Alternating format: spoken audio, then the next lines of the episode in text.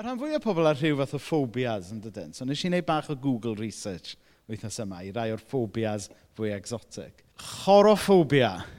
Pobl sy'n ofn dawnsio. Na ni.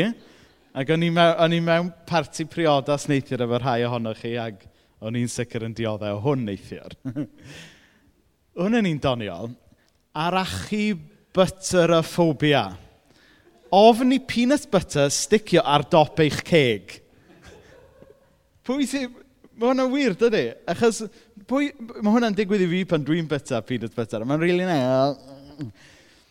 So dychmygwch bod yna enw i'r ffobia yma. Aliwmophobia, ofn galeg.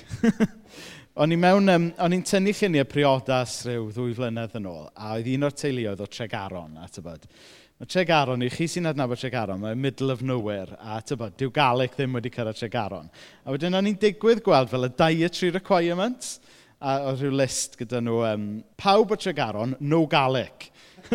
tybod, e fel rhy exotic i bobl Tregaron. Ond, so mae pobl Tregaron gyda alumiofobia. Neu, be am hwn? gelaffiobia. Ofn chwerthin. Dwi, o'n i'n meddwl, hmm, dwi definitely wedi pregethu mewn sawl capel le mae'n teimlo fel bod pawb yn y gynulleidfa gyda'r ffobia yma. Un fwy cyfarwydd, yr achnophobia, ofn pryfed cop, siw bod pawb i ryw raddau. Ond yr un gweitha mae'n siŵr i gael ydy hwn, ffobia ffobia.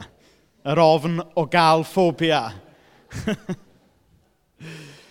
Ond, um, chyfo, mae'n, mae'n, mae'n iawn i ni chwerthin fel hyn jyst i ddechrau. Ond y gwir amdani yw, da ni gyd yn ofn rhywbeth yn dydyn. Mae yna rhyw bryder neu gilydd yn dod ar yn traws ni gyd. Falle bod e'n rhywbeth i ni jyst yn gallu chwerthin off fel yna.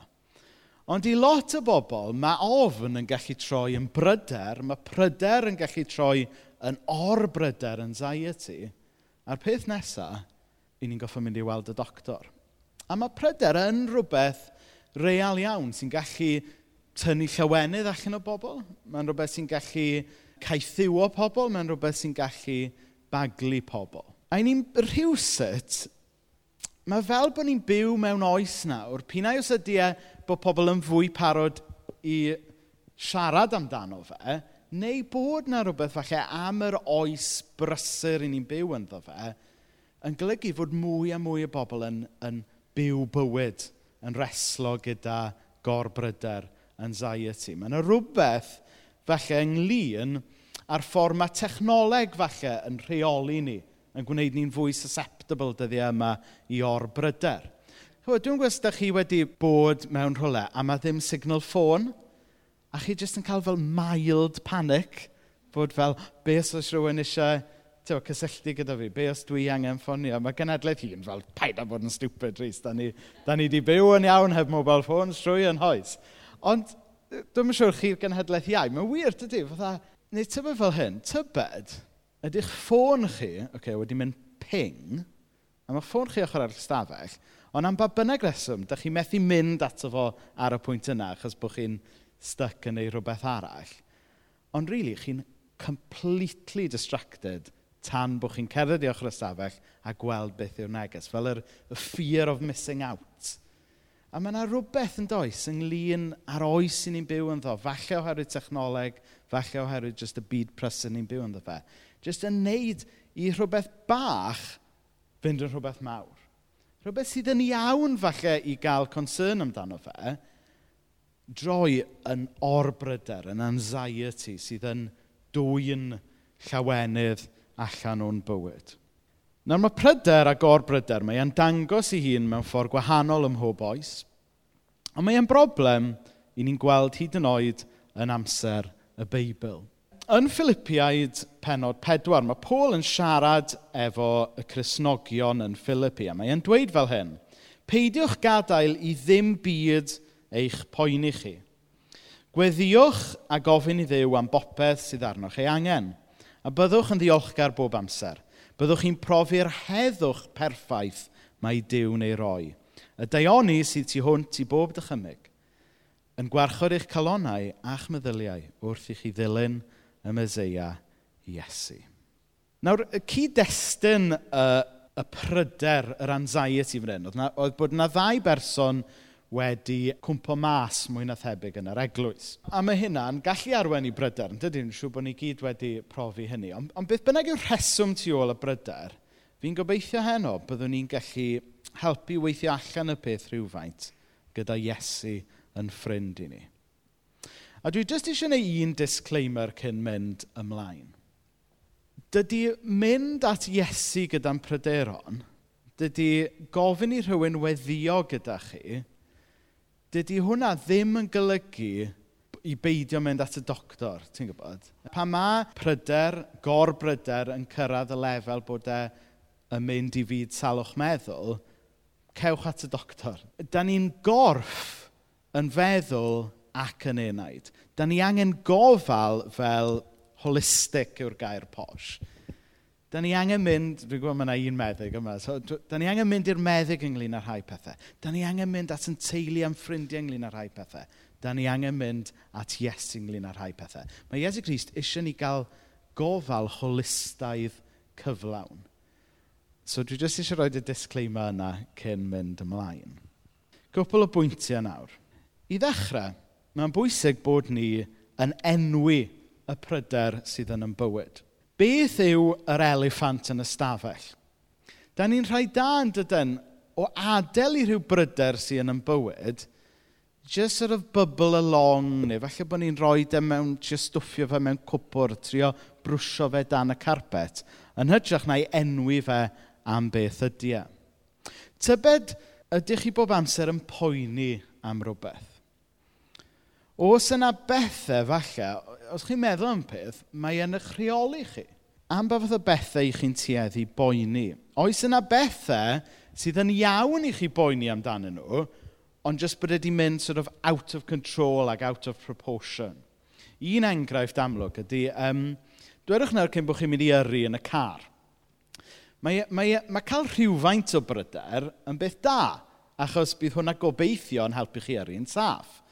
Ond sy'r pryder yna'n cyrraedd lefel bod chi wedyn yn penderfynu bod chi ddim yn ei fynd llefydd achos bod chi'n ofn mynd yn y car, yna mae'r pryder wedi mynd yn or pryder. Mae hwnna'n sort of, enghraifft bach yn sili, ond chi'n deall y pwynt sydd gyda fi. Bod ni'n gadael i concerns legitimate fynd allan o proportion a maen nhw'n rheoli yn bywyd ni. Y peth cyntaf wrth ddelio gyda pryder ydy adnabod ac enwi y pryder yna yn yn bywyd.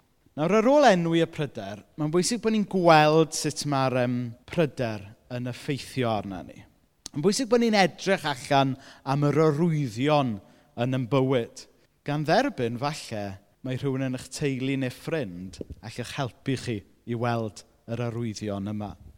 I rai pobl, falle bod chi'n cael teimlad o banic, falle, pan i chi'n pryderu ynglyn â rhai pethau. I bobl eraill, falle mae chwarae drostodd a trosodd rhyw senario yn eich meddwl i chi. I bobl eraill, falle bod chi'n gwneud excuses i beidio mynd i rai llefydd a gweld rhai bobl achos bod chi'n ofn dod wyneb yn wyneb gyda'ch pryder. I bobl eraill, falle bod e'n manifesto ei hun mewn ffordd corfforol. Falle bod yna rhai pethau'n arwen chi gael cur pen neu cochi cwsg i rai, ac os gai siarad yn bersonol, pan dwi'n cael cyfnodau yn fy mywyd yn poeni'n ormodol am bethau ac, ac yn mynd yn stres, comfort eating. um, dwi'n chwerthin, ond mae e'n broblem weithiau. Bod ni just yn self-medicated drwy bita gormod o junk, neu hyd yn oed yfed gormod. Mae'n bwysig sylwi ar yr arwyddion yn yn bywyd lle mae pryder yn yn yn rheoli ni. A mae hi'n gam enfawr ymlaen pan ni'n ni dechrau gweld yr arwyddion a dweud stop cyn bod nhw'n cymryd drosto yn llwyr. Y cam nesaf ydy gofyn, wel, pam bod ni yn pryderu?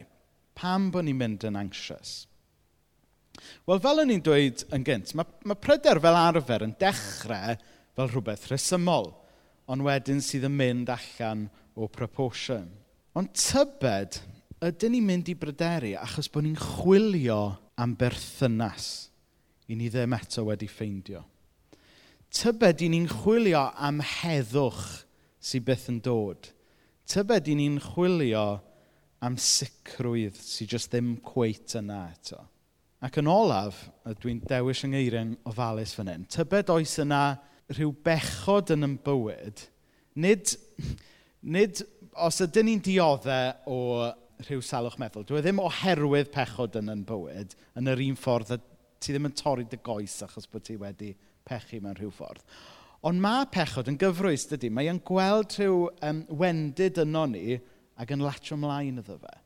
So tybed oes yna rhyw bechod yn yn bywyd weithiau, da ni jyst angen cyflwyno drosto i'r Dyw sydd yn yn caru ni beth bynnag. Y Dyw sydd wedi rhoi maddeiant am y peth yna mae pryder yn rhywbeth sy fel, mae'n cicio ni lawr a wedyn mae'n dal ni lawr. Ond chi wedi dod i'r capel heno. chi eisiau clywed am yr un sy'n codi ni lan, gobeithio. A dyma lle dwi eisiau mynd efo gweddill y neges i a wedyn yr amser o mateb da ni'n mynd i gael. Ar ôl enwi yn pryderon, ar ôl adnabod yn pryderon, ar ôl deall y patrwm am pryderon, anxieties yn cael yn yn bywyd, Beth ni'n mynd i wneud ynglyn â'r peth? Wel, mae yna wahoddiad heno i ni gyd gyflwyno'n pryderon i'r un sydd yn yn caru ni, yr un sydd wedi dod at y blinderog a'r llwythog. Mae Paul yn dweud, peidiwch gadael i ddim byd eich poeni chi. Nawr, on the face of it, mae Paul yn swndio bach yn flippant fan hyn, yn dydy? Mae, mae e'n swndio fel rhyw fath o, Pull yourself together, snap out of it. A dyna'r peth gweitha'n aml chi'n gallu dweud wrth bobl sy'n stryglo efo stwff fel hyn. Be mae Paul mewn gwirionedd yn dweud ydy peidiwch gadael iddo fe eich rheoli chi. Mae hwnna wahanol yn tydi i snap out of it neu pull yourself together. Peidiwch gadael iddo fe eich rheoli chi. Mae e wedyn mynd ymlaen i ddweud gweddiwch a gofyn i ddew am bopeth sydd arnoch ei angen. Jyst cyflwynwch eich pryder i ddew yn dawel mewn gweddi. Mae wedyn mynd mlaen i ddweud byddwch yn ddiolchgar bob amser. Nawr, chyfo, pan mae bywyd yn anodd pan ni'n pryderu am bethau, dyw diolch ddim falle'n reaction sy'n dod yn hawdd iawn. Ond mae'n helpu ni gael perspektif yn dydy. Pan mae amser yn anodd, pan mae lot o bryder yn yn bywyd, mae'n mae helpful weithiau i feddwl, wel, be ni'n gallu diolch amdano adre, mae cadog, mae gyda ni hen, um, hen binoculars adre. A mae cadog weithiau martio gwmpas y lle gyda'r binoculars fan hyn. A fel arfer, mae gyda fe'r binoculars wrong way round. a dwi'n cofio pan oedd um, Tad Will, mae hwn yn mynd o blynyddoedd nawr, na the ddefnyddio ddalwedd yma.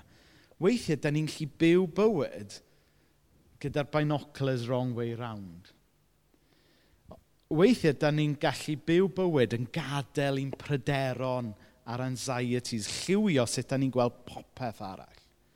Mae Dyw yn gwahodd ni droi benocles rownd a gweld pethau o'i brysbectif e. Ydy hwnna ddim yn gwneud yn fach o'n anxieties ni, a'n pryderon ni, ond mae e'n helpu ni weld y darlun mawr.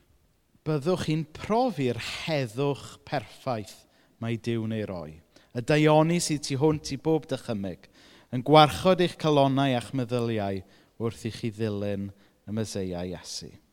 So ar ôl cyflwyno yn pryderon i'r arglwydd, mae'n bwysig bod ni wedyn yn byw fel plant i Iesu Grist, nid plant i'n pryderon. Dyddiau yma, mae e yn beth lot fwy cyfarwydd, bron a bod yn ffasiynol i bobl siarad yn gyhoeddus ynglyn â gwahanol um, salwch meddwl. Chi'n aml yn clywed pobl yn, rhannu, yn trafod eu profiadau ar y radio, ar y teledu, mewn erthyglau. Ac yn gyffredinol, mae e, e'n mae e beth da yn dydy bod ni'n byw mewn oes le mae pobl yn gallu siarad yn agored ac onest ynglyn â struggles a salwch fel hyn.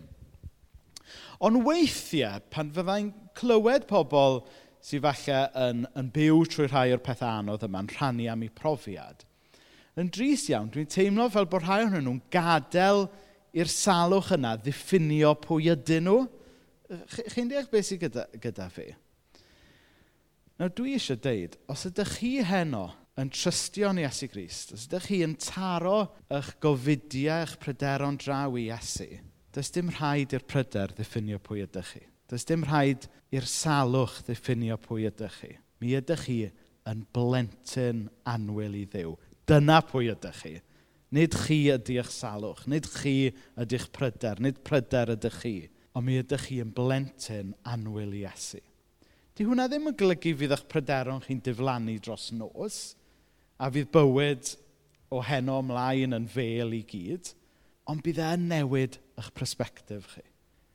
Bydd e yn golygu fod nawr Iesu yn cerdded efo chi trwy eich pryderon. Nawr, yn y Beibl mae yna ddelwedd ynglyn â bod Iesu fel iau i ni. Nawr, dwi'n tawni, so dwi ddim rili'n really deall delweddau amaethyddol. Ond o, o beth dwi'n deall, iau ydy eben a galed, dwch chi fyny. Let's act this out. Dewch fan hyn. So dyma ddau ychen fan hyn. Be di ychen yn Saesneg nawr? Oxen. Okay. O na, actually, na, dim dau ychen. Sori, mae un o'ch chi'n cael bod yn Iesu Gris. Sori, dwi dwi meso hwn lan. So, so gewn ni fod. Na. so, Aled. Gei di fod yn Iesu Gris. Sori, Eben, ti ydy'r ychen. Ond geith Arwel, actually, fod yr traws sydd yn un o'n nhw. So, gei di fod ar iau. So, der di fyny, ie. Yeah. So, so, eben, ti yn stryglo i dynnu y llwyth caled yma sydd tu ôl i ti. Ond mae yna ychen arall yn ffurf Iesu Gris wedi dod ato ti. So, cewch yn agos i'ch gilydd. A nawr yr iau, na ni. A nawr, mae Iesu Gris yn helpu ti i dynnu y llwyth. Dyn hynny. Gret, diolch yn fawr iawn. Ond, to, joking aside, mae hwnna'n ddelwedd hyfryd yn dydy. Beth bynnag ydy'r pwysau a'r pryderon a'r baich da ni'n teimlo bod ni'n goffo cario trwy bywyd. Na yw hyfryd fod Iesu Grist i hun yn cynnig dod wrth yn hymyl ni fan hyn a cario y baich efo ni. Fel o'n i'n dweud ar y dechrau, da ni'n byw mewn byd efo lot o ofn. Ond mae newyddion da Iesu Grist yn golygu fod na obaith yn bosib i fyd sydd yn ofni. Heno dwi eisiau dweud, so os rhywun yma yn cario rhyw bryder, a mae'r pryder yna wedi mynd yn or bryder, a ydych chi'n teimlo bod e wedi'ch caethiwo chi. Yna mae Iesu yn cynnig dod â gobaith i chi. Mae Iesu yn clywed ac yn gweld chi yn eich poen a'ch gwewyr heno. A da ni jyst mynd i gael cyfnod nawr o ymateb. Nawr ni jyst cael munud neu ddau tawel, a wedyn mae Mena, dwi'n meddwl, dwi'n Mena mynd i ddod trwy dda? Dim. Mae Mena jyst mynd i arwen i mewn ymateb.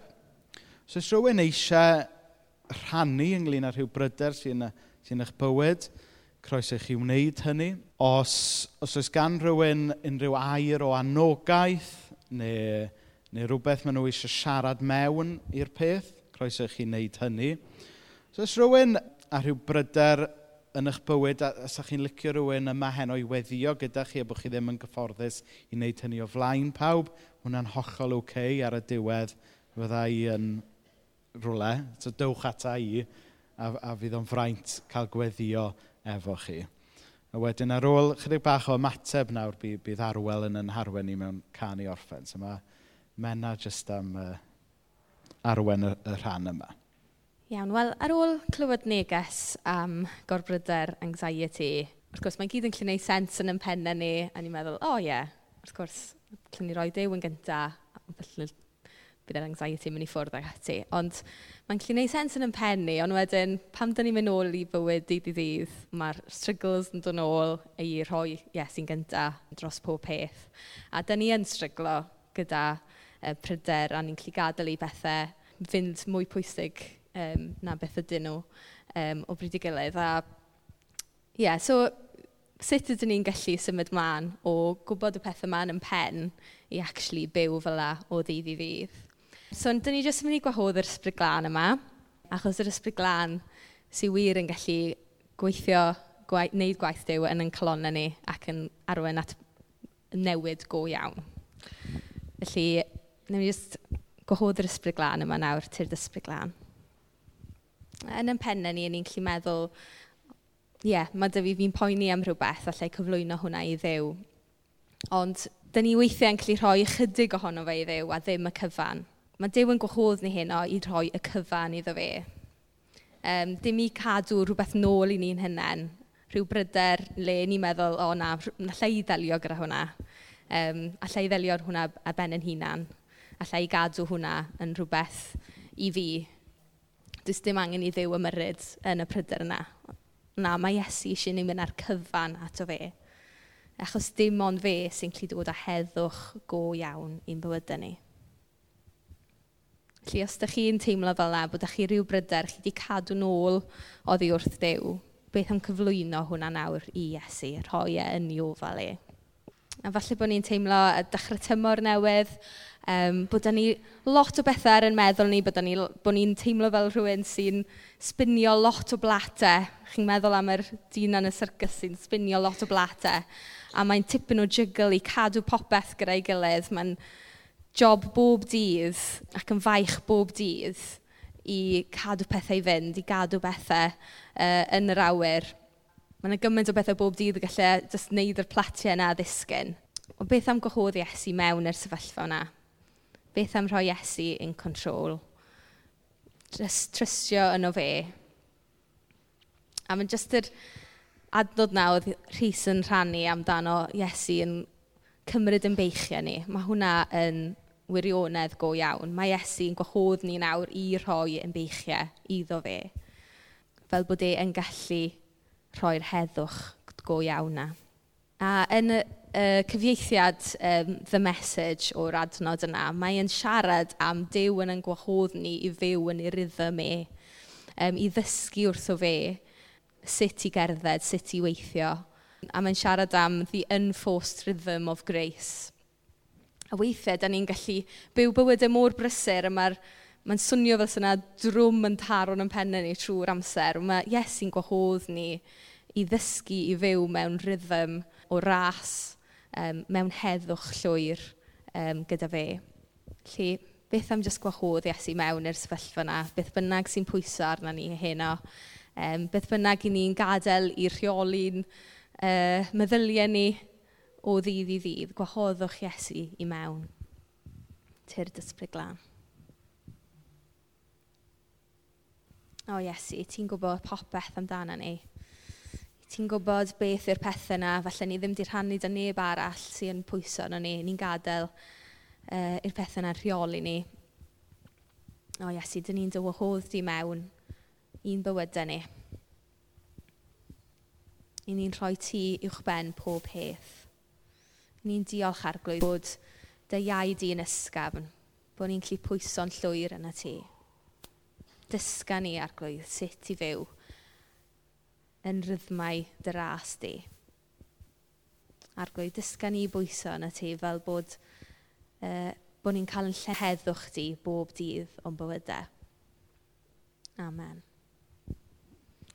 Hoffwn i jyst gwahodd yym ffi fyny i rhannu um, adnod o Rhufeiniad um, wnaeth fi rhannu gyda fi ddoe oedd yn berthnasol iawn iawn fi'n meddwl i be mae Rhys 'di siarad amdano heno. Um, I might cry, um, but um, can, I, can I do it in English? It would, you'll understand it better if I do actually. Um, I just, I just get a sense that that God wants you to know it, how much He wants you to be free of fear. That It's not, a, it's not a weight on your shoulder. I get a sense that people are feeling tired, that they've been trying to give their worries to God and have felt a bit of a failure because it's not gone away. But they've been trying to do what they're called to do in the Bible. And um, I hadn't realised over the summer that I was carrying, I'm not sure if it was a grief or initially, but I've lost um, so many of the friends that I met in the chemo suite. I'm still alive, and I'm so grateful to God um, that I'm alive. But earlier this year, I lost another precious friend to, to breast cancer, and her children the same age as mine. And I was trying to give it to God. I was trying to live in future. I was telling myself, God's got all these promises for me. But I was actually carrying that as a weight for myself. And um, this chap came and had a, a word for me, and he, he said to me, um, he said, You're drinking Diet Coke. Do you know that's really bad for you? It, it um, stops your bones being strong. And one of the things I do live with is the fact that my, um, my bones are weak because of the chemo and the treatment that I've had. And one of the things I go to the doctor with regularly is making sure that my spine is okay and my hips are okay. And I, I live with the fact that I want to be well. um, so to have this chap say to me, God wants to tell you that Diet Coke's bad for you, was like not a blessing to me. And fear just gripped me in, in the worship. And I had a, I, I said, oh, I just don't need to hear, it's not good science what you're telling me. And, um, and then I thought, actually, no, I need to process this. So I said to the chap, can we go outside and we'll, we'll talk? And we spent a bit of time and he said, do you think I tell everybody that Coke is bad for them. And I was like, well, I was guessing that from the way you did it. And he said, no, that was a specific thing from God. Why are you so upset? And I told him my story, and he said, you're carrying fear. And it was the Coke that's unlocked it. And I know that God wants to heal you of that fear. He wants to carry that away. And he then spent some time praying for me, and God freed me. Freed. You know, when you feel something, you don't want lift, lifted. And that's how much God wants to touch our lives and lift fear. Um, he reaches right into our place, and we love each other until until the fears are gone, don't we? You know, we need a mate while we're carrying fear, but God wants to break fear and lift us to the place where we're not carrying fears for ourselves. And if you're feeling tired, find a mate and we'll work it out together because it's not something to carry on your own. This is the verse I shared Romans 15, it's from the Passion Translation. Now may God, the inspiration and fountain of hope, fill you to overflowing with uncontainable joy and perfect peace as you trust in Him.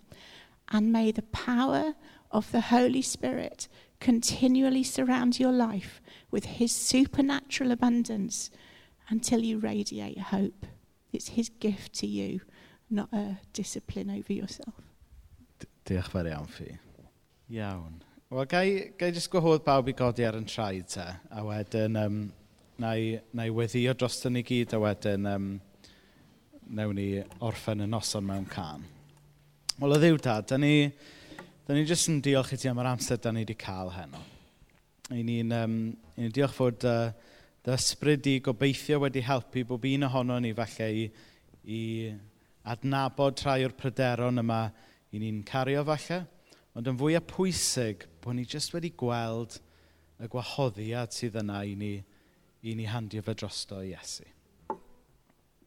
O ddiw dad, so oes unrhyw un yma heno yn wedi gadael i rhyw bryder ddiffinio pwy ydyn nhw.